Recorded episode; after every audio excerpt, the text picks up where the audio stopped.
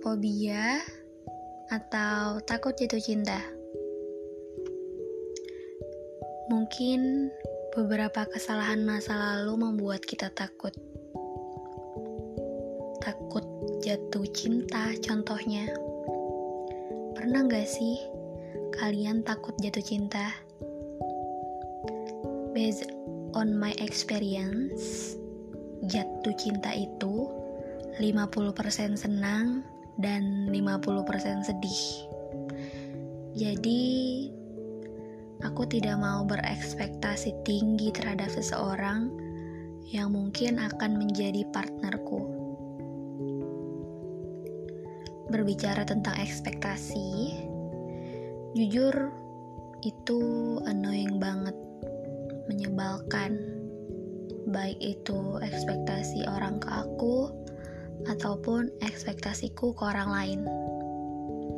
Hmm, oke, okay. kita balik ke topik awal tadi. Takut jatuh cinta. Ada beberapa orang yang takut karena kecewa dengan pasangannya yang dulu, kayak memori itu terus kebayang di otak mereka yang takut jatuh cinta. Dari sumber yang aku baca nih, Pilofobia ini dipicu oleh pengalaman masa kecil, genetik, dan trauma. Kita garis bawahi trauma atau pengalaman yang cukup buruk. Ada beberapa orang yang tidak ingin untuk main atau pacaran dan ingin langsung komitmen aja. Kalau orang bilang sih beda tipis dengan belum siapnya kita untuk menjalin hubungan. Ya, menjalin hubungan baru. Ada juga tipe orang yang takut karena takut ditolak atau takut tidak sesuai ekspektasi partner kita ke depannya. Ada juga tipe yang ingin memperjuangkan karir yang nyaman dan berkualitas untuk masa depan semuanya tidak ada yang salah. Kita punya masalah masing-masing yang emang kita punya untuk diselesaikan sendiri. Kita nggak bisa menyamakan masalah kita dengan orang lain, dan walaupun sama, cara kita menyelesaikannya pun juga pasti berbeda. Oke, mungkin kalian akan dapat atau enggak pelajaran dari kisah aku ini. Jadi, dulu aku bisa disebut bucin kali ya. Kayak kalau berantem, aku yang selalu mohon-mohon dan minta maaf. Walaupun di situ aku nggak tahu siapa yang benar, siapa yang salah.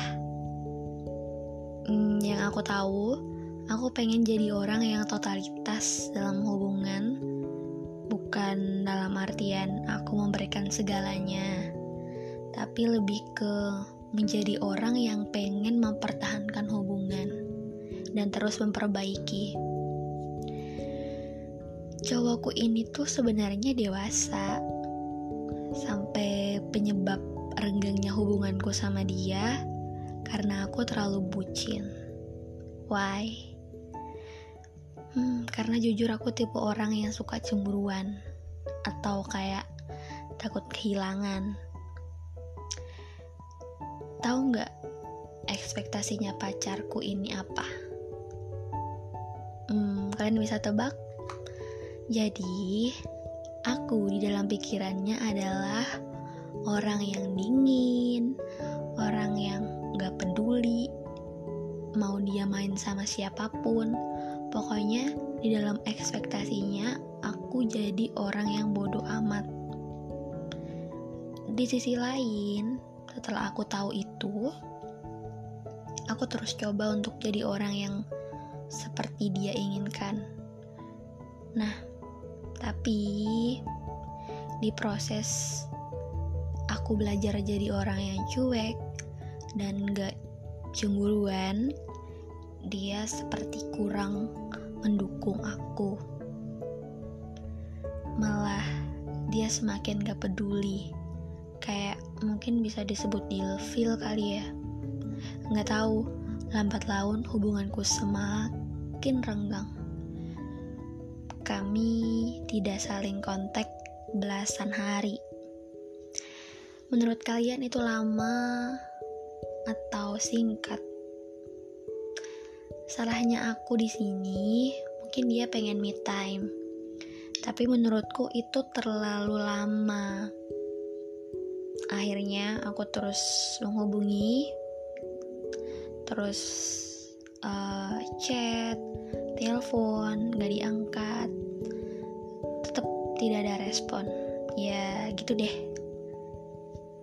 Rasanya nano-nano kayak sedih kecewa marah bahkan sampai sekarang rasa itu tuh nggak bisa hilang-hilang saat aku mulai nyoba deket sama orang baru, tanpa sadar aku selalu ngebandingin dia dengan orang baru itu.